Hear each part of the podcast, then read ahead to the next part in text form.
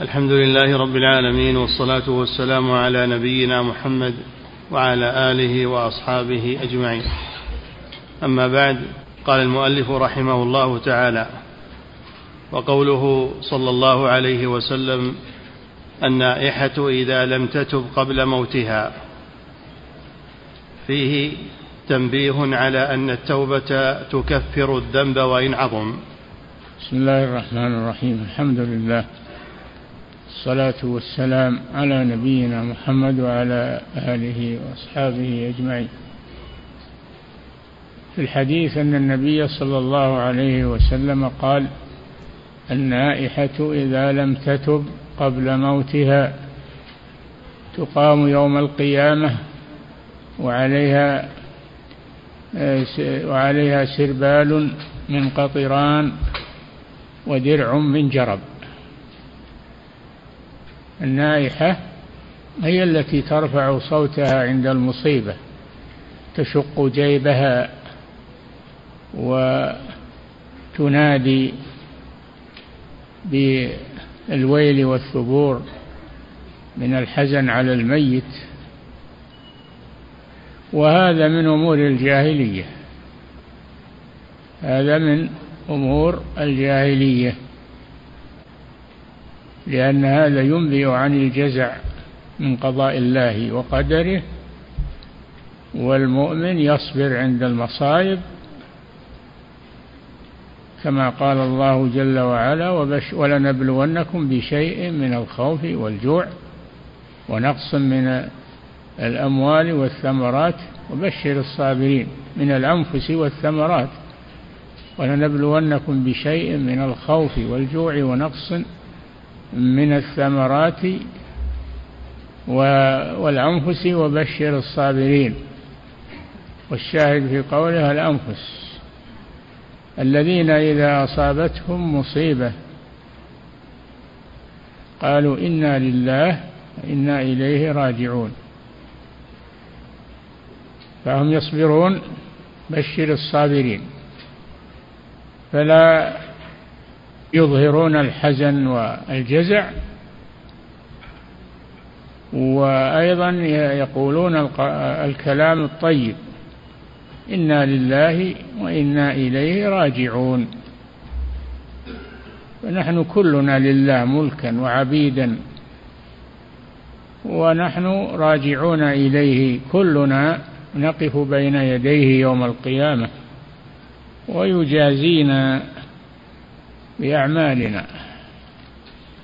فلا مفر للعبد من ربه سبحانه وتعالى. والمصائب تجري ولكن المؤمن يقابلها بالصبر والاحتساب ويقول ما يرضي الرب سبحانه.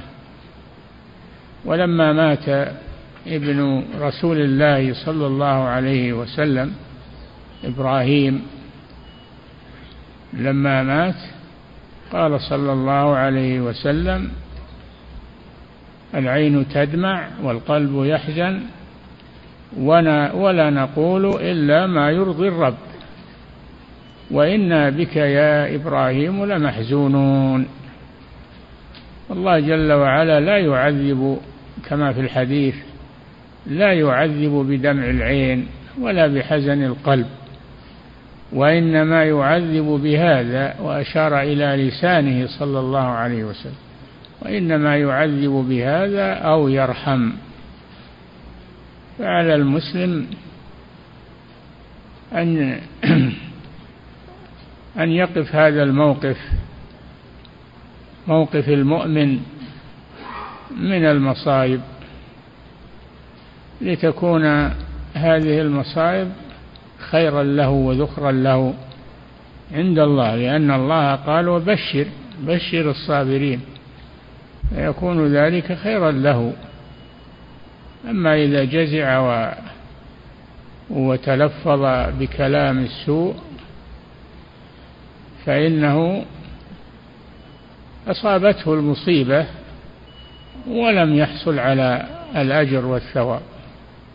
يعني حصل عليه مصيبتان مصيبة وفاة قريبه والمصيبة الثانية وهي أعظم فوات الأجر والثواب على مصيبته. والنائحة هي التي ترفع صوتها عند المصيبة وتعدد محاسن الميت وتشق جيبها تشق جيبها وتنتف شعرها وهذا من أمور الجاهلية. وعليها وعيد شديد. نعم. وقوله النائحة إذا لم تتب قبل موتها فيه تنبيه على أن التوبة تكفر الذنب وإن عظم. نعم فإذا تابت النائحة بعد ما حصل منها تابت إلى الله وندمت فإن الله يتوب عليها. والله يغفر الذنوب وإن عظمت يغفر الكفر والشرك ويغفر الكبائر مع التوبة. يغفر الذنوب الكبائر مع مع التوبة إلى الله سبحانه وتعالى. نعم. أن التوبة تكفر الذنب وإن عظم هذا مجمع عليه في الجملة. نعم. وتكفر أيضا بالحسنات الماحية والمصائب. وتكفر المعصية بالحسنات. قال صلى الله عليه وسلم أتبع السيئة الحسنة تمحها. أتبع السيئة الحسنة تمحها فهذا من فضل الله على عباده أنه جعل مكفرات كثيرة للمعاصي. مكفرات كثيرة للمعاصي لأجل أن يغفرها لهم ويمحصهم منها. والمصائب لا بد أن تجري. فالمسلم لا يخسر قريبه ويخسر مع ذلك يخسر ثواب الصبر والاحتساب. نعم. وتكفر أيضا بالحسنات الماحية والمصائب ودعاء. آه، المكفرات كثيرة. أعظمها التوبة إلى الله عز وجل وكذلك الحسنات يذهبن السيئات. فإذا كان له حسنات فإنها تكفر سيئاته بها وتكفر بالمصائب التي تصيب الإنسان. تكفر بمكفرات كثيرة. وفي كتاب لابن حجر كتاب الكبائر. كتاب كتاب الكبائر. ذكر حوالي سبعين كبيرة من أعظم الكبائر وذكر مكفراته وكذلك ابن حجر الهيتمي له كتاب الزواجر عن ارتكاب الكبائر. نعم. وتكفر أيضا بالحسنات الماحية والمصائب ودعاء المسلمين بعضهم لبعض. تكفر بالمصائب التي تصيب الإنسان ويحتسبها المسلم من مكفرات ذنوبه فتكون خيرا له. تكون المصائب خيرا له. لأن الله كفر بها ذنوبه وتكفر بدعاء المسلمين له شفاعتهم له عند الله بالدعاء. نعم. ودعاء المسلمين بعضهم لبعض وبالشفاعة بإذن الله. وبالشفاعة يوم القيامة. فالشفاعة حق. إذا كانت متوفرة على الشروط تكون الشفاعة بإذن الله وأن يكون المشفوع فيه ممن يرضى الله قوله وعمله. يعني من المسلمين. أما الكافر فلا تنفعهم شفاعة الشافعين. من ذا الذي يشفع عنده إلا بإذنه. هذا شرط. وأن يكون المشفوع فيه من المسلمين وهذا الشرط الثاني. فالشفاعة فيها خير كثير. وتكون الشفاعة بين الناس بعضهم مع بعض من يشفع شفاعة حسنة. له نصيب منها ومن يشفع شفاعة سيئة يكون له كفل منها. الشفاعة الحسنة هي التي تنفع المسلم. شفاعة عند ولي الأمر شفاعة عند آه، الخلق الذين عندهم حوائج الناس تشفع لهم في أن يقضوا حوائج الناس. وهذا من المعروف من يشفع شفاعة حسنة يكون له نصيب منها. فتشفع لإخوانك في قضاء حوائجهم. عند من هي عنده يكون لك الأجر في ذلك. نعم. وبالشفاعة وأما الشفاعة السيئة فهذه والعياذ بالله ما تجوز. الشفاعة لإسقاط الحد بعدما يتقرر عند ولي عند ولي الأمر أو نائبه لا يجوز لأحد أن يشفع في إسقاط الحد عنه. أتشفع في حد من حدود الله؟ ويم الله لو أن فاطمة بنت محمد سرقت لقطعت يدها. ما في شفاعة في الحدود. إذا وصلت إلى السلطان أو نائبه. لا تجوز الشفاعة فيها. أما قبل ذلك يجوز أن المسلمين يتسامحون فيما بينهم ويسترون على العاصي والمخالف. هذا مطلوب. نعم. وبالشفاعة بإذن الله وعفو الله عمن شاء ممن لا يشرك بالله شيئا. نعم وتكفر الذنوب بعفو الله عنها ومغفرته لها. نعم. وعفو الله عمن شاء ممن لا يشرك بالله شيئا. نعم الشفاعة إنما هي للمؤمنين وإنما الكفار لا تنفعهم شفاعة الشافعين. نعم. وفي الحديث عن ابن عمر رضي الله عنهما مرفوعا إن الله تعالى يقبل توبة العبد ما لم يغرغر. رواه أحمد والترمذي وابن ماجه وابن حبان. تكفر الذنوب بالتوبة. تكفر الذنوب بالتوبة منها. والتوبة باب التوبة مفتوح.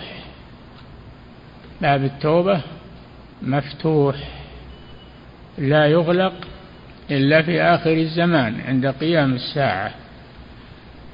وكذلك يغلق بالنسبة للأفراد. يغلق إذا بلغت الروح الحلقوم بلغت الغرغرة. فحينئذ لا تنفع التوبة. لا تنفع التوبة لأن وقتها انتهى. ولا كل يتوب عند الموت. عند الموت كل يتوب لكن ما تقبل التوبة في ذاك الوقت. نعم. إن الله تعالى يقبل توبة العبد ما لم يغرغر رواه أحمد والترمذي وابن ماجه وابن حبان. قوله صلى الله عليه وسلم تقام يوم القيامة وعليها سربال من قطران ودرع من جرب. يعني النائحة والعياذ بالله. تقام من قبرها يوم القيامة. نعم. قال القرطبي السربال واحد السرابيل وهي الثياب والقمص. يعني أنهن يلطخن بالقطران فيكون لهن كالقمص حتى يكون اشتعال النار بأجسادهن أعظم ورائحتهن أنتن وألمها بسبب الجرب أشد.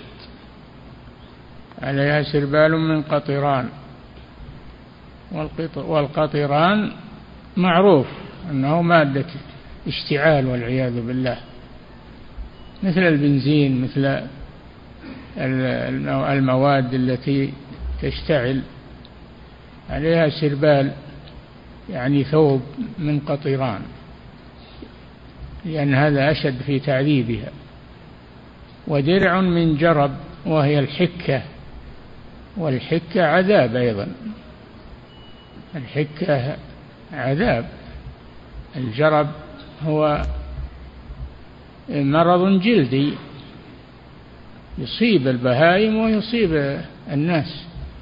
مرض جلدي آه، فيه مشقة على على من أصابه. نعم.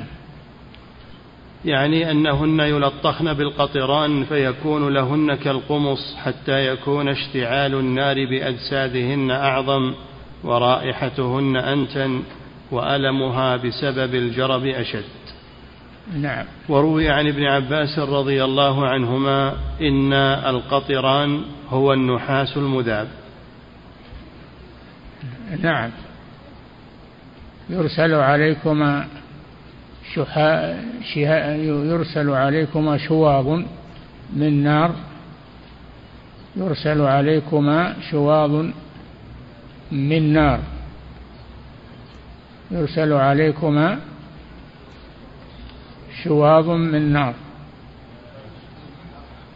يرسل عليكما شواظ من نحاس. والنحاس يرسل عليكما شواظ من نار ونحاس يرسل عليكما شواظ وهو الشهاب يرسل عليكما شواظ من نار ونحاس والنحاس يراد به يراد به الدخان يراد به الدخان يسمى نحاسا. نعم.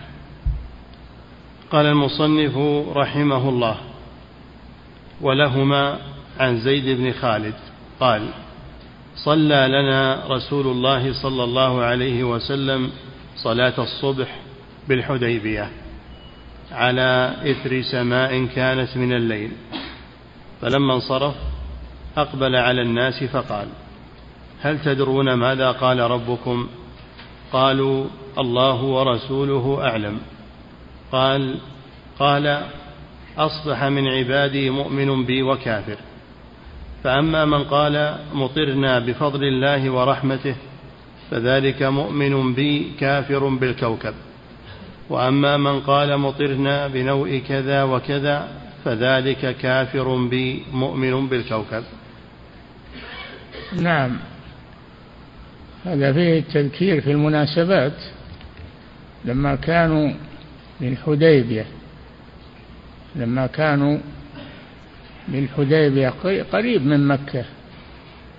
الحديبية هي التنعيم التنعيم في طرف الحديبية. وهي بين مكة وجدة قريب من مكة. هذه الحديبية. أصابهم مطر في وهم في في الحديبية في الليل. فلما صلى بهم رسول الله قوله صلى لنا يعني صلى بنا. رسول الله صلى الله عليه وسلم في الحديبية على إثر سماء أي مطر. المطر يسمى سماء لأنه نازل من السماء. على إثر سماء كانت من الليل. فقال صلى الله عليه وسلم أتدرون ماذا قال ربكم؟ هذا فيه أن الله جل وعلا يتكلم ويقول. يتكلم ويقول كما يليق بجلاله سبحانه وهذا من صفات الأفعال. تدرون ماذا قال ربكم؟ قالوا الله ورسوله أعلم. فيه أن الإنسان لا يتخرص إذا كان لا لا يستحضر الجواب أو لا يعرف الجواب فليقل الله أعلم. كانوا يقولون في حياة الرسول صلى الله عليه وسلم الله ورسوله أعلم. أما بعد وفاة النبي صلى الله عليه وسلم فيقال الله أعلم. يرد العلم إلى الله سبحانه وتعالى. قال أصبح من عبادي يقول الله جل وعلا أصبح من عبادي مؤمن بي وكافر بسبب هذا المطر. فأما من نسب المطر إلى الله فهو مؤمن بالله كافر بالكوكب يعني بالنجم. وأما من قال مطرنا بنوء كذا وكذا يعني النجم طلوع النجم أو غروب النجم يعتقدون أنه عند طلوعه أو غروبه يحصل حادث أو شيء. هذا في الجاهلية. وينسبون ذلك إلى الطالع والغارب. والواجب أن تنسب الأشياء إلى الله سبحانه وتعالى مصرف الأمور. أصبح من عبادي مؤمن بي وكافر. فأما من قال مطرنا بنوء من قال مطرنا بفضل الله ورحمته فذلك مؤمن بي. يقول الله فذلك مؤمن بي كافر بالكوكب. فنسب المطر إلى الله. نسب المطر إلى الله هو الذي أنزله. وهو الذي قدره سبحانه وهو الذي ساقه. وأما من قال مطرنا بنوء كذا وكذا أي عند طلوع نجم أو غروب نجم الجاهلية ينسبون الأمطار إلى ذلك والرياح وال. فهذا من أمور الجاهلية. أن طلوع النجم أو غروبه لا يحدث شيئا. وإنما الذي يحدث هو الله جل وعلا. والنجوم مسخرات ليس لها من الأمر شيء. أما من قال مطرنا بنوء كذا وكذا فذلك كافر بي. مؤمن بالكوكب كافر بالله حيث نسب إنزال المطر إلى الكوكب. فهو كافر بالله عز وجل. وأما من قال مطرنا بفضل الله ورحمته فذلك مؤمن به كافر بالكوكب. تنسب الأمور إلى الله سبحانه وتعالى. ولا تنسب إلى الأنواء أو النجوم. فإن هذا شرك بالله عز وجل. نعم. قال المؤلف رحمه الله زيد بن خالد الجهني صحابي مشهور. مات راوي الحديث زيد بن خالد الجهني من جهينة صحابي مشهور معروف. نعم. مات سنة ثمان وستين وقيل غير ذلك وله خمس وثمانون سنة. رضي الله عنه. نعم. قوله صلى لنا رسول الله صلى الله عليه وسلم أي بنا فاللام بمعنى الباء. أي نعم. قال الحافظ وفيه إطلاق ذلك مجازا وإنما الصلاة لله. إيه صلى لنا هو على ظاهره تصير الصلاة للمخلوق لكن ما هو على ظاهره هذا مجاز لأن صلى لنا بمعنى باء. بمعنى الباء صلى بنا. تستعمل الحروف بعضها في مكان في مكان بعض في اللغة العربية. نعم. قوله بالحديبية بالمهملة وتخفيف يائها وتثقل. نعم الحديبية هي التنعيم آه، ما حول التنعيم. نعم. بالحديبية بالمهملة وتخفيف يائها وتثقل قوله على إثر حديبية تثقل يقال حديبية هذا تثقيل. حديبية هذا تخفيف. نعم. فقوله على إثر بكسر الهمزة وسكون المثلثة على المشهور وهو ما يعقب الشيء. المثلثة؟ نعم. أي نعم. على إثر بكسر الهمزة وسكون المثلثة على المثلثة هي هي الثاء ثلاث نقط. المثنات هي التاء. المثنات من فوق هي التاء المثنات من تحت هي الياء. هكذا يقولون. نعم. على إثر بكسر الهمزة وسكون المثلثة على المشهور وهو ما يعقب الشيء قوله سماء أي مطر. لأنه ينزل من السحاب. ينزل من السماء والسماء المراد به السحاب. السماء اسم لكل ما علا وارتفع. نعم. سماء أي مطر لأنه ينزل من السحاب والسماء يطلق على كل ما ارتفع. نعم. قوله فلما انصرف أي من صلاته أي التفت إلى المأمومين. نعم هذا في مشروعية أن الإمام لا يبقى بعد السلام مستقبلا للقبلة وإنما يستقبل المأمومين كما كان النبي صلى الله عليه وسلم يفعل ذلك. نعم. فلما انصرف أي من صلاته أي التفت إلى المأمومين كما يدل عليه قوله أقبل على الناس. نعم. ويحتمل أنه أراد السلام. نعم. قوله هل تدرون لفظ, لفظ استفهام ومعناه التنبيه.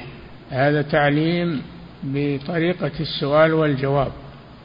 إذا كان التعليم بطريقة السؤال والجواب يكون أنبه للمتعلم وأثبت للجواب. لأجل ينتبه. نعم. هل تدرون لفظ استفهام ومعناه التنبيه؟ نعم. وفي النساء ألم تسمعوا ما قال ربكم الليلة وهذا من الأحاديث القدسية؟ أي نعم هذا من كلام الله عز وجل الذي يرويه عنه نبيه صلى الله عليه وسلم يكون من الأحاديث القدسية التي هي كلام الله سبحانه وتعالى. الحديث القدسي ما كان من كلام الله سبحانه وتعالى. والحديث النبوي ما كان من كلام الرسول صلى الله عليه وسلم. نعم. وفيه إلقاء العالم المسألة على أصحابه ليختبرهم. أي نعم. فيه فيه طريقة تعليم على طريق السؤال والجواب. كن هذا أبلغ وأثبت. نعم. قوله قالوا الله ورسوله أعلم. فيه, أن الإنسان لا يتخرص إذا لم يكن عنده علم يرد العلم إلى الله وإلى رسوله صلى الله عليه وسلم في حال حياته. نعم. أما بعد موت الرسول يقول الله أعلم. نعم. قالوا الله ورسوله أعلم. فيه حسن الأدب للمسؤول إذا سئل عما لا يعلم أن يكل العلم إلى عالمه وذلك يجب. نعم. قوله أصبح من عبادي. الإضافة هنا للعموم بدليل التقسيم إلى مؤمن وكافر. أصبح من عبادي. كلمة عبادي تشمل المؤمن والكافر. نعم. أصبح من عبادي. الإضافة هنا للعموم بدليل التقسيم إلى مؤمن وكافر. فالكافر عبد لله. عبد لله. والمؤمن عبد لله. لكن هذا مطيع وهذا عاصي. نعم. كقوله تعالى هو الذي خلقكم فمنكم كافر ومنكم مؤمن. هو الذي خلقكم. هذا عام أن الله خلق كل الخلق. ومنهم كافر ومنهم مؤمن. ينقسمون إلى قسمين كافر بالله ومؤمن بالله. نعم. قوله مؤمن بي وكافر. إذا اعتقد أن للنوء تأثيرا في إنزال المطر فهذا كفر. إذا يعني اعتقد أن للنوء يعني النجم تأثير أي طلوع النجم وغروبه تأثير في نزول المطر فهذا من اعتقاد الجاهلية وهو كفر بالله عز وجل. نعم. إذا اعتقد أن للنوء تأثيرا في إنزال المطر فهذا كفر لأنه شرك في الربوبية والمشرك كافر. نعم. وإن لم يعتقد ذلك فهو من الشرك الأصغر لكونه نسب نعمة الله إلى غيره. إذا جرى على لسانه نسبة الشيء إلى غير الله ولم يعتقد فهذا كفر أصغر أصغر. لا يخرج من الملة. نعم. وإن لم يعتقد ذلك فهو من الشرك الأصغر لكونه نسب نعمة الله إلى غيره ولأن الله سبحانه لم يجعل النوء سببا لإنزال المطر فيه وإنما هو فضل من الله ورحمة يحبسه إذا شاء وينزله إذا شاء. نعم. ودل هذا الحديث أنه لا يجوز لأحد أن يضيف أفعال الله إلى غيره ولو على سبيل المجاز. نعم ويضيف أفعال الله إليه. ما يضيفها إلى المخلوقين. حتى ولو قال أنا ما قصدت أنا قاصد أنه من الله لكن هذا من باب المجاز. نقول لا هذا ما يصلح فيه مجاز. ما يصلح فيه مجاز هذه عقيدة. نعم. وأيضا الباء تحتمل معاني وكلها لا تصدق بهذا اللفظ نعم. فليست للسببية ولا للاستعانة لما عرفت من أن هذا باطل نعم. ولا تصدق أيضا على أنها للمصاحبة لأن المطر قد يجيء في هذا الوقت وقد لا يجيء فيه وإنما يجيء في فرق بين قولك مطرنا بنوء كذا أو في في نوء كذا. في هذا لا بأس به. في أما الباء تكون سببية. وأما في فهي ظرفية. بينهما فرق. نعم. وإنما يجيء المطر في الوقت الذي أراد الله مجيئه فيه برحمته وحكمته وفضله. فكل معنى تحمل عليه الباء في هذا اللفظ المنهي عنه فاسد. نعم. فيظهر على هذا تحريم هذه اللفظة مطلقا لفساد المعنى. نعم يعني نسبة الشيء آه، إلى غير الله بالباء. لا يجوز هذا. نعم. وقد تقدم القطع بتحريمه في كلام صاحب الفروع والإنصاف. نعم. قال المصنف وفيه التفطن للإيمان في هذا الموضع يشير إلى أنه الإخلاص. أي نعم. في هذا الموضع نسبة الأشياء إلى الله عز وجل. هذا توحيد. نسبتها إلى غيره هذا شرك. نعم. قوله فأما من قال مطرنا بفضل الله ورحمته فالفضل والرحمة صفتان لله. بفضل الله ورحمته. قل بفضل الله وبرحمته فبذلك فليفرحوا هو خير مما يجمعون. بفضل الله ورحمته. نعم. مطرنا بفضل الله ورحمته فالفضل والرحمة صفتان لله. ومذهب أهل السنة والجماعة أن ما وصف الله به نفسه ووصفه به رسوله من صفات الذات كالحياة والعلم وصفات الأفعال كالرحمة التي يرحم بها عباده كلها صفات لله قائمة بذاته ليست قائمة بغيره. نعم. نعم. كلها صفات لله قائمة قائمة بذاته ليست قائمة بغيره فتفطن لهذا فقد غلط فيه طوائف. الصفات تنقسم إلى قسمين صفات ذات مثل الوجه واليد هذه صفة ذات. وصفة فعل مثل الكلام والعطاء والحرمان هذا صفة فعل لله سبحانه وتعالى هو الذي يعطي ويمنع. نعم. وفي هذا الحديث أن نعم الله سبحانه وتعالى لا يجوز أن تضاف إلا إليه وحده. نعم. وهو الذي يحمد عليها وهذا حال أهل التوحيد. نعم لا تضاف أفعال الله إلا إليه لا تضاف إلى غيره.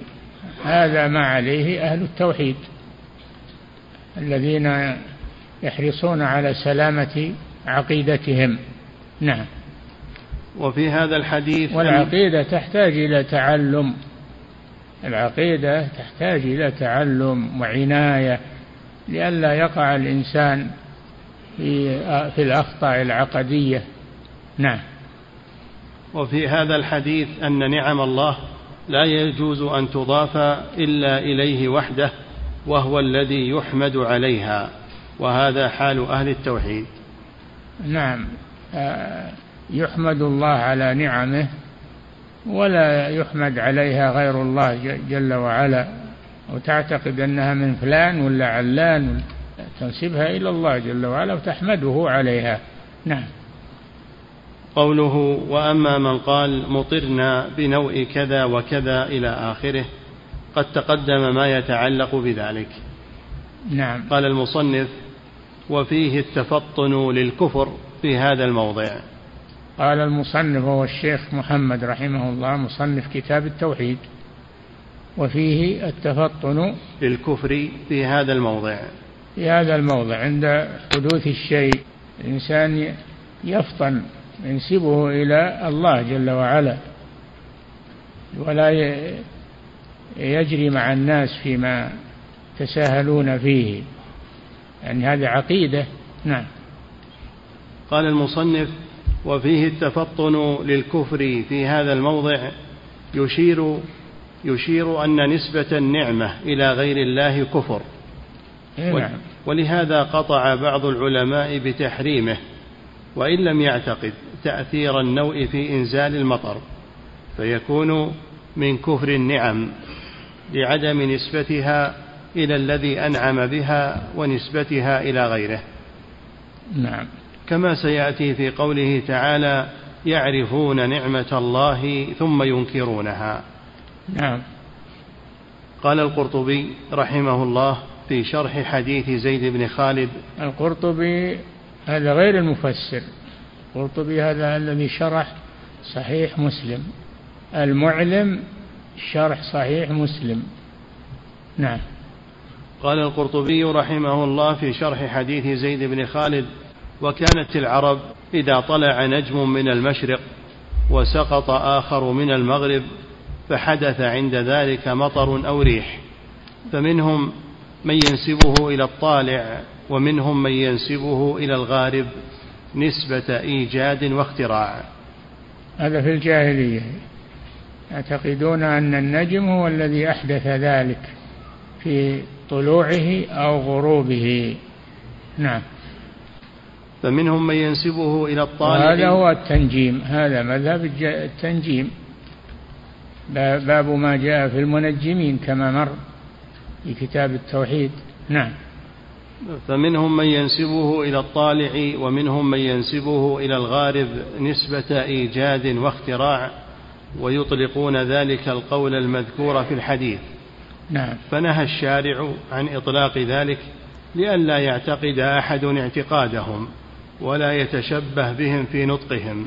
انتهى. كلام القرطبي. انتهى كلام القرطبي. نعم. قوله فمنهم من ينسبه نسبة إيجاد يدل على أن بعضهم كان لا يعتقد ذلك. وإنما هو تساهل في التعبير ولا يجوز هذا أيضا لأنه وسيلة إلى الاعتقاد. نعم. يدل على أن بعضهم كان لا يعتقد ذلك كما قال الله تعالى ولئن سألتهم من نزل من السماء ماء فأحيا به الأرض من بعد موتها ليقولن الله. فدل على أن منهم من يعرف ويقر بأن الله هو الذي أوجد المطر. نعم في الجاهلية عندهم توحيد الربوبية. أهل الجاهلية عندهم يثبتون توحيد الربوبية وإنما حصل الخلل في توحيد الألوهية عندهم. أما الربوبية فهم مقرون بها لكنها لا تكفي. نعم. فدل على أن منهم من يعرف ويقر بأن الله هو الذي أوجد المطر وقد وقد يعتقد هؤلاء أن للنوء فيه شيئا من التأثير. أن وقد يعتقد هؤلاء أن نعم. للنوء فيه شيئا من التأثير. نعم يعتقدون أن النجم هو المؤثر. وإذا كان كذلك صار هذا شركا وكفرا بالله عز وجل. فالنجم ليس له تأثير وإنما المؤثر هو الله جل وعلا. نعم. والقرطبي في شرحه لم يصرح أن العرب كلهم يعتقدون ذلك المعتقد الذي ذكره. القرطبي في شرحه يعني شرحه على صحيح مسلم. نعم. والقرطبي في شرحه لم يصرح أن العرب كلهم يعتقدون ذلك المعتقد الذي ذكره فلا اعتراض عليه بالآية للاحتمال المذكور. نعم. قال المصنف رحمه الله تعالى ولهما من حديث ابن عباس معناه وفيه قال بعضهم لقد صدق نوء كذا وكذا فأنزل الله هذه الآيات فلا أقسم بمواقع النجوم وإنه لقسم لو تعلمون عظيم. إنه لقرآن كريم في كتاب مكنون لا يمسه إلا المطهرون تنزيل من رب العالمين. أفبهذا الحديث أنتم مدهنون وتجعلون رزقكم أنكم تكذبون. فلا أقسم بمواقع النجوم هذا قسم من الله جل وعلا بمواقع النجوم. والله يقسم من خلقه بما شاء. أما المخلوق فلا يقسم إلا بالله ولا يحلف إلا بالله عز وجل. والمراد بالنجوم نجوم السماء. وقيل المراد بالنجوم نجوم القرآن لأن القرآن نزل منجما ما نزل جملة واحدة وإنما نزل منجما بحسب الوقائع والحوادث. نعم. والظاهر أن أن المراد بالنجوم هنا نجوم نزول القرآن لأنه قال إنه لقرآن كريم. نعم. فلا أقسم بمواقع النجوم وإنه لقسم لو تعلمون عظيم. إنه لقرآن كريم. إنه هذا جواب القسم. نعم. في كتاب مكنون. لا إنه نعم. إنه لقرآن كريم. في كتاب مكنون. في كتاب مكنون هو اللوح المحفوظ. لأن القرآن مكتوب في اللوح المحفوظ. نعم.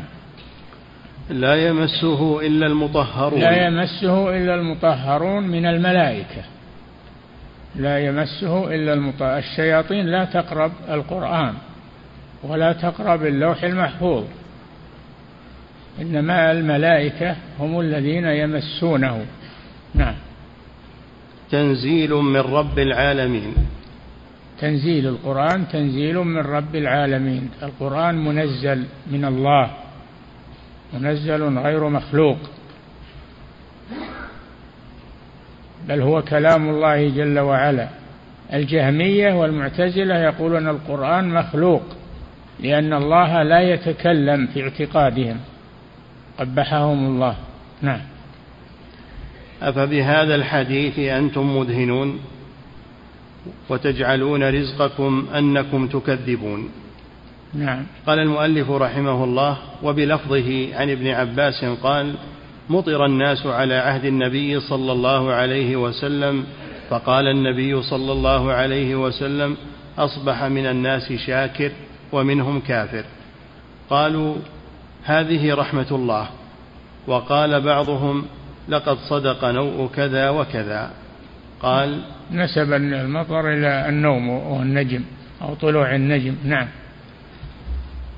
قال وقال بعضهم لقد صدق نوء كذا وكذا. قال فنزلت هذه الآية فلا أقسم بمواقع النجوم. نعم. هذا قسم من الله عز وجل. يقسم بما شاء من خلقه على ما شاء. فلا لا هذه يقولون صلة للتأكيد. صلة والأصل أقسم بمواقع فأقسم بمواقع النجوم. ثم جاء بلا أن هذا من باب التأكيد للكلام. وقيل لا على بابها لا نافية أي ليس الأمر كما تزعمون. أقسم بمواقع النجوم أنه ليس على ما تزعمون. نعم. هذا قسم من الله عز وجل يقسم بما شاء من خلقه على ما شاء. نعم. وجواب القسم إنه لقرآن كريم. نعم. فتكون لا صلة لتأكيد النفي. فتقدير لا, لا أقسم. نعم. فتقدير الكلام ليس الأمر كما زعمتم في القرآن أنه سحر أو كهانة بل هو قرآن كريم. نعم. قال ابن جرير قال بعض أهل العربية معنى قوله فلا أقسم فليس الأمر كما تقولون. ثم استؤنف القسم بعد فقيل أقسم. فتكون لا على بابها نافية. لا أي ليس الأمر كما تظنون. من اعتقاد الجاهلية أن الأمور تنسب إلى الأسباب. نعم. ثم استؤنف القسم بعد فقيل أقسم. نعم. ومواقع النجوم قال ابن عباس يعني نجوم القرآن. أي نعم. فإنه نزل جملة ليلة القدر من السماء العليا إلى السماء الدنيا ثم نزل مفرقا في السنين بعد. ثم قرأ ابن عباس هذه الآية. هذا فيه نظر والشيخ محمد بن إبراهيم رحمه الله له رسالة مطبوعة وهي في كيفية إنزال القرآن الكريم الجواب الواضح المستقيم في كيفية نزول القرآن الكريم. نعم. ومواقعها نزولها شيئا بعد شيء وقال مجاهد مواقع النجوم مطالعها ومساقطها واختاره ابن جرير. تكون النجوم على بابها هي النجوم الكواكب. والقول الأول أن النجوم نجوم القرآن لأن القرآن نزل منجما ولم ينزل جملة واحدة. نعم. وعلى هذا فتكون المناسبة بين المقسم به والمقسم عليه وهو القرآن من وجوه. أحدها أن النجوم جعلها الله يهتدى بها في ظلمات البر والبحر وآيات القرآن يهتدى بها في ظلمات الغي والجهل. نعم. فتلك هداية في الظلمات الحسية والقرآن هداية في الظلمات المعنوية فجمع بين الهدايتين. نعم. مع ما في النجوم من الزينة الظاهرة وفي القرآن من الزينة الباطنة. نعم. ومع ما في النجوم من الرجوم للشياطين وفي القرآن من رجوم شياطين الإنس والجن. أي نعم ترجمهم الآيات الكريمة ترد عليهم تبطل أقوالهم. نعم. والنجوم آياته المشهودة العيانية والقرآن آياته المتلوة السمعية. نعم. مع ما في مواقعها عند الغروب من العبرة والدلالة على آياته القرآنية ومواقعها عند النزول ذكره ابن القيم رحمه الله. نعم. وقوله وإنه لقسم لو تعلمون عظيم. قال ابن كثير أي وإن هذا القسم الذي أقسمت به لقسم عظيم. لو تعلمون عظمته لعظمتم المقسم به عليه. قال ابن كثير رحمه الله أي وإن هذا القسم الذي أقسمت به لقسم عظيم لو تعلمون عظمته. نعم. لعظمتم المقسم به عليه. نعم. قوله إنه لقرآن كريم هذا هو المقسم عليه وهو القرآن. أي نعم. وإنه وحي الله وتنزيله وكلامه. لا كما يقول الكفار إنه سحر أو كهانة أو شعر بل هو قرآن كريم أي عظيم كثير الخير لأنه كلام الله سبحانه وتعالى. نعم. قال ابن القيم رحمه الله فوصفه بما يقتضي حسنه وكثرة خيره ومنافعه وجلالته فإن الكريم هو البهي الكثير الخير العظيم النفع وهو من كل شيء أحسنه وأفضله. والله سبحانه وتعالى وصف نفسه بالكرم ووصف به كلامه ووصف به عرشه. الله كريم وكلامه كريم قرآن كريم. نعم. ووصف به كلامه ووصف به عرشه ووصف به ما كثر خيره وحسن منظره من النبات وغيره. نعم. ولذلك فسر السلف الكريم بالحسن. قال الأزهري الكريم اسم جامع لما يحمد والله تعالى كريم جميل الفعال وإنه لقرآن كريم يحمد لما فيه من الهدى والبيان والعلم والحكمة. نعم. وقوله في كتاب مكنون أي معظم في كتاب معظم محفوظ موفر. قاله ابن كثير. نعم. في كتاب معظم محفوظ موقر. هو اللوح المحفوظ نعم. قاله ابن كثير. وقال ابن القيم اختلف المفسرون في هذا فقيل هو اللوح المحفوظ والصحيح أنه الكتاب الذي بأيدي الملائكة وهو المذكور في قوله في صحف مكرمة مرفوعة مطهرة بأيدي سفرة كرام بررة.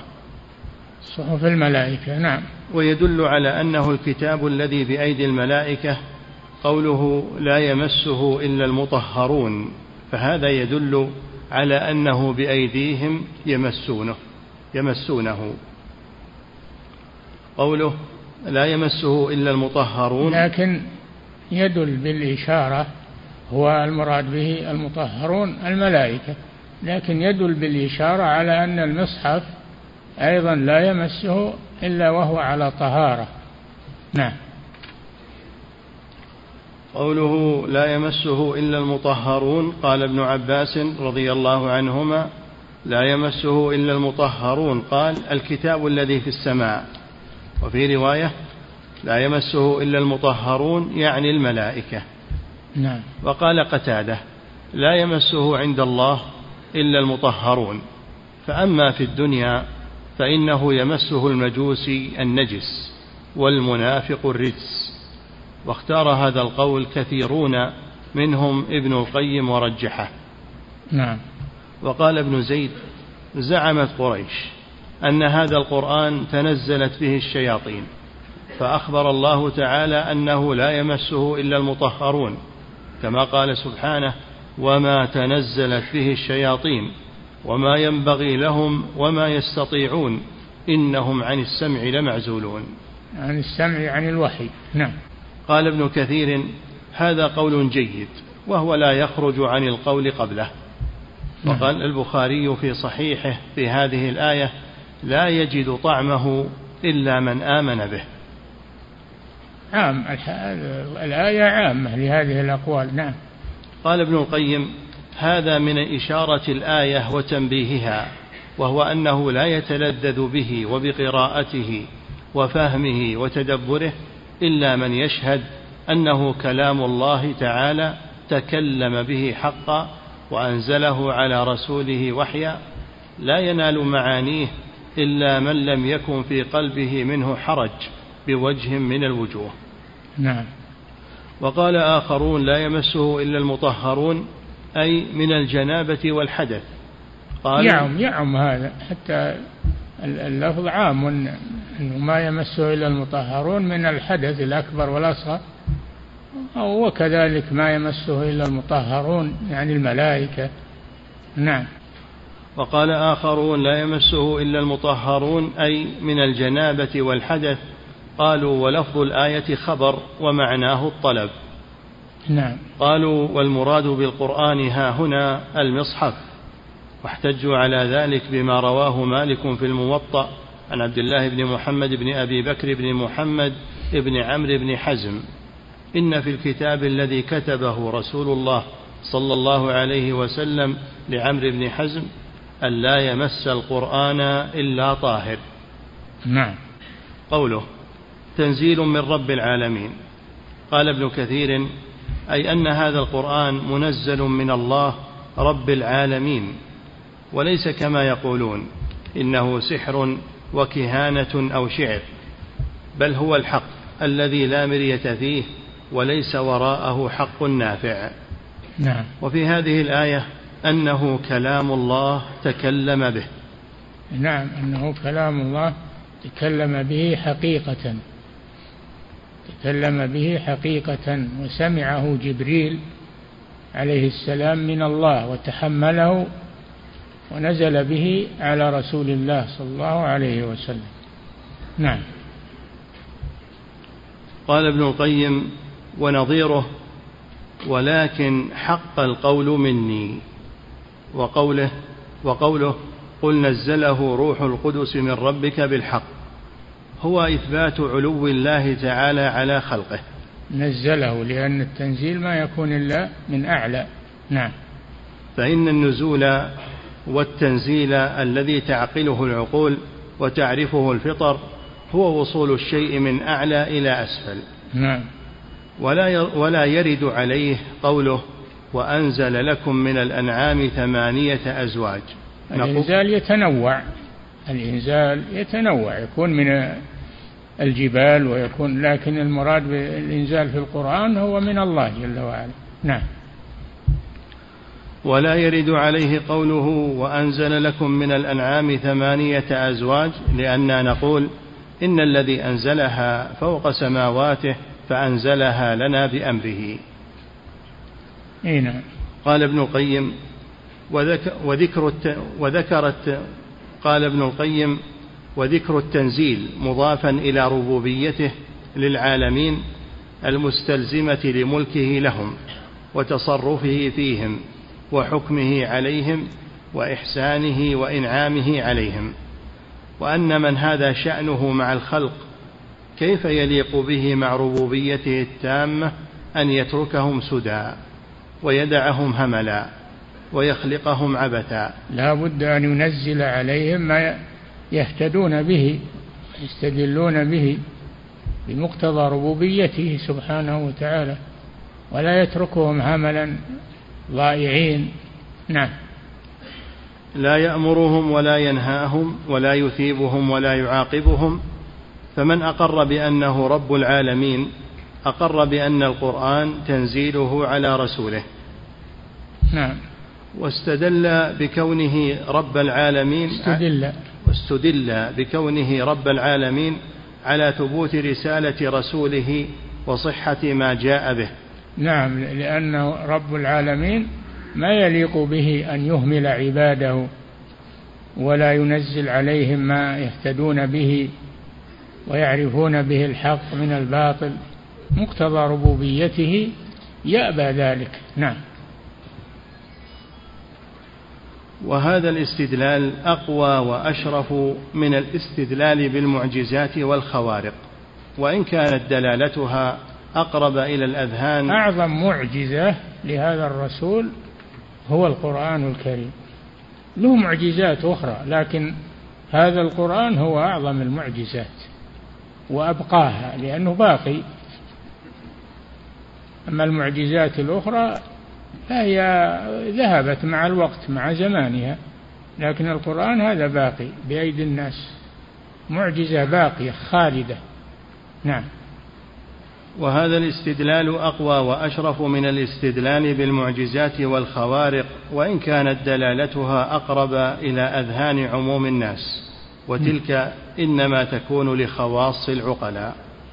نعم. قوله أفبهذا الحديث أنتم مدهنون؟ قال مجاهد أي أتريدون أن تمالئوهم فيه وتركنوا إليهم؟ يعني أنتم أيها المؤمنون تداهنون الكفار على هذا الحديث اللي هو القرآن؟ لا يجوز للمؤمنين أن يداهنوهم وأن يجاروهم وأن يقولون هذه دبلوماسية هذه ما أدري إيش. لا ما يجوز هذا. ما يجوز هذا. المؤمن يعتقد يتمسك بعقيدته ويصرح بها ولا يداري أحدا في عقيدته أو يداهنه في عقيدته. نعم. قال ابن القيم ثم وبخهم سبحانه. بكثير باقي حول عشر أسطر تبع الآية هذه. أيه. قال ابن القيم ثم وبخهم سبحانه على وضعهم الإدهان في غير موضعها وأنهم يداهنون فيما حقه فيما حقه أن يصدع به ويفرق به ويعضى عليه بالنواجذ وتثنى عليه الخناصر وتعقد عليه القلوب والأفئدة ويحارب ويسالم لأجله ولا يلتوى عنه يمنة ولا يسرة ولا يكون للقلب التفات إلى غيره ولا محاكمة إلا إليه ولا مخاصمة إلا به ولا اهتداء في طرق المطالب العالية إلا بنوره ولا شفاء إلا به فهو روح الوجود وحياة العالم ومدار السعادة وفائدة الفلاح وطريق النجاة وسبيل الرشاد ونور البصائر فكيف تطلب المداهنة بما هذا شأنه ولم نعم. ينزل للمداهنة وإنما نزل بالحق وللحق والمداهنة إنما تكون في باطل قوي لا تمكن إزالته أو في حق ضعيف لا تمكن إقامته. فيحتاج المداهن إلى أن يترك بعض الحق ويلتزم بعض الباطل. فأما الحق الذي قام هذه به يسمى مداراة هذا يسمى مداراة المداراة تجوز عند الحاجة إليها. أما المداهنة فلا تجوز. نعم.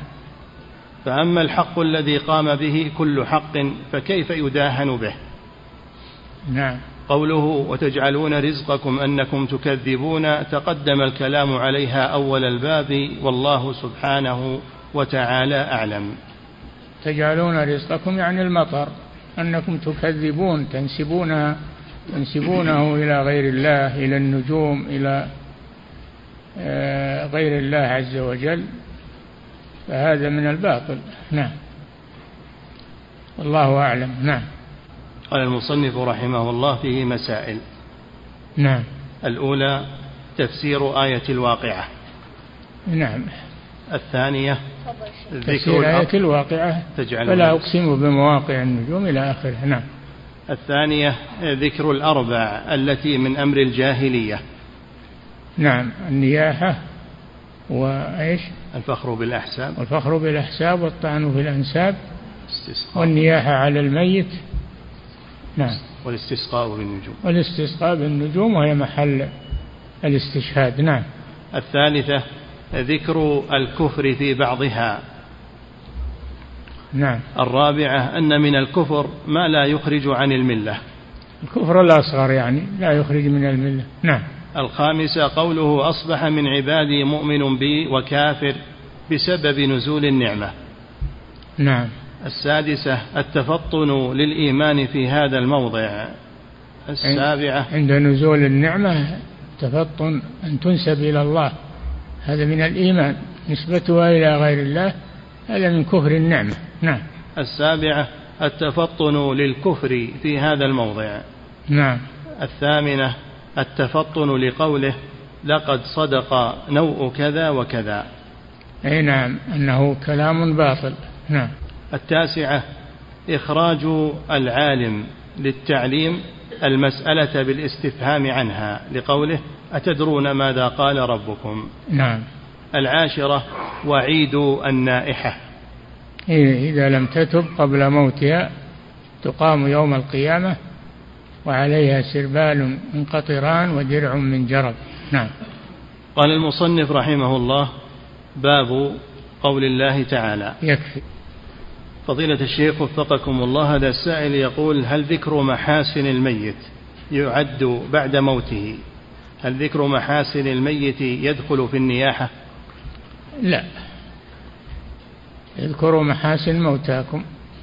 ولا يتناول الميت بالتنقص أو بالسباب وإنما تذكر محاسنه لأنه أفضى إلى ما عمل.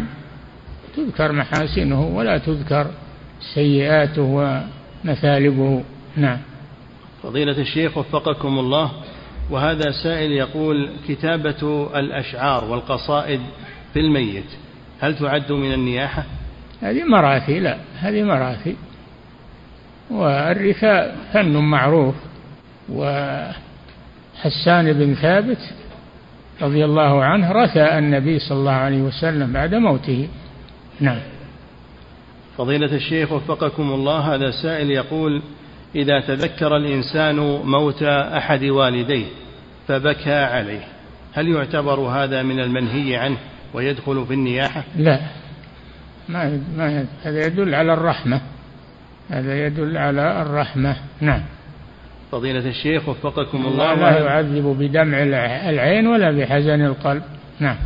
فضيلة الشيخ وفقكم الله هذا سائل يقول بعض النساء تقوم برفع صوتها بالبكاء على الميت فهل يدخل هذا في المنهي عنه؟ نعم لا ترفع الصوت بالبكاء. تبكي لكن ما ترفع صوتها بذلك لئلا يكون من النياحة. نعم. فضيلة الشيخ وفقكم الله هذا سائل يقول ما حكم هذا القول؟ أعوذ بالله من فواجع القدر عند وقوع المصائب والحوادث. لا بأس بذلك. نعم. فضيلة الشيخ وفقكم الله كيف يجمع بين أن ذكر محاسن الميت تعد من النياحة وبين حديث أنه لما مر عند النبي؟ ما, ما, ما قلنا أنه من النياحة نقول تذكر محاسن الميت. اذكروا محاسن موتاكم. نعم. فضيلة نعم. الشيخ وفقكم الله هذا سائل يقول قول المؤلف رحمه الله وفي هذا تنبيه على أن التوبة تكفر الذنب وإن عظم وهذا مجمع عليه في الجملة. يقول قوله في الجملة لماذا قيده بهذا القيد؟ وهل هناك أمور لا تكفرها التوبة؟ لا ليس هناك ذنوب لا تكفرها التوبة. لا ليس هناك. التوبة تجب ما قبلها من الذنوب كبائر صغائر كفر شرك. التوبة الصحيحة تجب ما قبلها والحمد لله. نعم. فضيلة الشيخ وفقكم الله هذا السائل يقول كتاب الكبائر. هل هو للإمام ابن حجر العسقلاني أو لابن حجر الهيتمي؟ كلاهما له كتاب كبائر. ابن حجر العسقلاني وهو الكتاب اللي بأيدي الناس والهيتمي له كتاب الزواجر. كتاب الزواجر عن اقتراف الكبائر. نعم. فضيلة الشيخ وفقكم الله هذا سائل يقول هل هناك شفاعة ثابتة للنبي صلى الله عليه وسلم بأنه يشفع لأهل الكبائر من أمته؟ نعم. حديث شفاعتي لأهل الكبائر من أمتي. حديث بهذا اللفظ. نعم. فضيلة الشيخ وفقكم الله هذا سائل يقول هل هناك فرق بين عفو الله عز وجل وبين مغفرته سبحانه وتعالى؟ العفو والمغفرة متقاربان في المعنى ولكن المغفرة هي الستر ستر الشيء يقال له مغفرة. نعم. فضيلة الشيخ وفقكم الله هذا سائل يقول الحديث القدسي ما الفرق بينه وبين القرآن؟ وهل هو متعبد بتلاوته؟ لا ما هو مثل القرآن. الحديث القدسي منه الصحيح ومنه الضعيف ومنه الموضوع حسب السند. أما القرآن فهو لا أحد يطعن في القرآن في صحته ونسبته إلى الله سبحانه وتعالى. نعم. وهل يتعبد بقراءة الحديث القدسي كالقرآن؟ لا. تعبد بقراءة القرآن أما الحديث القدسي فلا يتعبد تقرأه بالصلاة يعني لا يجوز هذا. نعم. فضيلة الشيخ وفقكم الله بعض من الناس ينتظر نزول المطر في بداية كل شهر عند ظهور هلال الشهر. هل يدخل هذا في حديث مؤمن بالكوكب كافر بي لا علاقة للمطر بأول الشهر. مطر ينزل متى ما أراد الله في أول الشهر في وسطه في آخره. تابع لمشيئة الله ما هو تابع للشهر أوله أو آخره نعم. فضيلة الشيخ وفقكم الله إذا كان هناك نجم معروف بأنه ينزل المطر فيه في الغالب فهل يمكن أن يقال مطرنا بنوء كذا وكذا؟ ما هناك نجم. ما هناك نجم ينزل فيه المطر دائما وابدا ما يقال هذا. ما فيه نجم كذا. نعم. فضيلة الشيخ وفقكم الله هذا السائل يقول ما حكم متابعة أحوال الطقس والأمطار المتوقعة سواء متابعتها في التلفاز أو غير ذلك؟ لا بأس بذلك لأن هذا ما هو بجزم وإنما يتوقعون توقع قد يحصل وقد لا يحصل. نعم. فضيلة الشيخ وفقكم الله هذا سائل يقول انتشر في بعض البيوت وضع تحف في البيت بشكل عين زرقاء توضع بدون قصد ولا اعتقاد. فهل يجوز هذا الأمر؟ عين زرقاء؟ نعم. ما أعرف ما أعرف هذا. نعم. فضيلة الشيخ وفقكم الله هذا سائل يقول الحديبية هل هي الشميسي أو التنعيم؟ لا ما هي الشميسي. قال لها الزاهر. أما الحديبية هذه طرفها التنعيم هو طرف الحديبية قريبة من مكة. نعم. فضيلة الشيخ وفقكم الله هذا سائل يقول نسبة المطر إلى غير الله هل يمكن أن يقال بأنها على درجات ثلاث؟ لا. لا ينسب المطر إلى غير الله هذا شرك. نعم. فضيلة الشيخ وفقكم الله هل ما زالت الشياطين ترجم بالنجوم أم أن ذلك انقطع ببعثة النبي صلى الله عليه وسلم؟ ما تشوفون الشهب بالليل؟ لا ما انقطع هذا موجود. ما تشوفون الشهب بالليل؟ هذا دليل على أنه باقي. نعم. فضيلة الشيخ وفقكم الله هذا سائل يقول صفة السمع والبصر لله عز وجل هل هما ذاتيتان أو فعليتان؟ ذاتيتان. نعم. فضيلة الشيخ وفقكم الله هذا سائل يقول كيف يهدي الله سبحانه وتعالى عباده في ظلمات البر والبحر كما جاء في الآية؟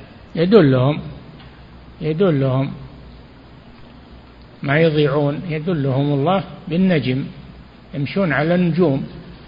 وعلامات وبالنجم هم يهتدون.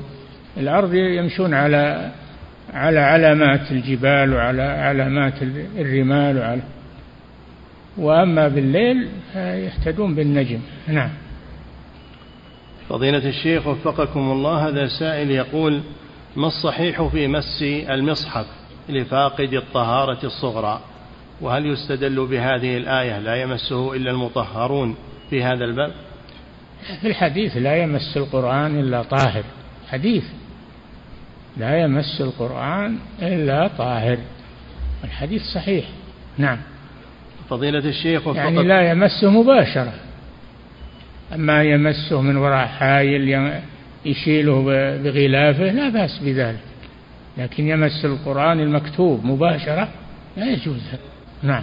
فضيلة الشيخ وفقكم الله هذا السائل يقول نحن في بلد يجعلون يوما خاصا لزيارة القبور. فهل هذا أمر مشروع؟ لا ما هو مشروع. تزار القبور في أي وقت تيسر. نعم. فضيلة الشيخ وفقكم الله هذا سائل يقول يحدث معي كثيرا أنني إذا كبرت للصلاة وبدأت في قراءة الفاتحة فإنني سرعان ما أسرح في صلاتي وأجد نفسي قد سلمت من الصلاة ولم أعقل منها شيئا. سؤاله هل صلاته باطلة على هذه الصفة؟ وما الحل في مثل هذا الأمر؟ لا ما هي باطلة تجزي ولكن عليه أنه يحرص على حضور قلبه في الصلاة والخشوع يحرص على هذا يستعين بالله عز وجل. نعم. فضيلة الشيخ وفقكم الله هذا سائل يقول هل يقال في إرادة الله عز وجل الإرادة الكونية؟ هل يقال فيها إنه على ما يشاء قدير؟ لا ما يقال على ما يشاء بل يقال على كل شيء قدير. وإنما على ما يشاء هذه جاءت في قوله وهو على جمعهم يعني جمع أهل السماوات والأرض إذا يشاء قدير. نعم. فضيلة الشيخ وفقكم الله هذا سائل يقول في أثناء الصلاة بعض الناس يرفع صوته بالقراءة والتسبيح والدعاء. حتى إنه يشغل من بجانبه عن صلاته. لا يجوز هذا. لا يرفع صوته ويشوش على الآخرين. لما خرج النبي صلى الله عليه وسلم على الصحابة وهم يصلون بالليل يجهرون قال لا يجهر بعضكم على بعض كلكم يناجي بعض كلكم يناجي ربه فلا يجهر بعضكم على بعض. نعم. فضيلة الشيخ وفقكم الله هذه امرأة تسأل فتقول هل هناك مقدار معين للنفقة التي تجب على الزوج من أكل وشرب وملبس للمرأة؟ هذه يسأل القاضي هو الذي يفرضها. نعم. انتهى وفقكم الله تعالى أعلم.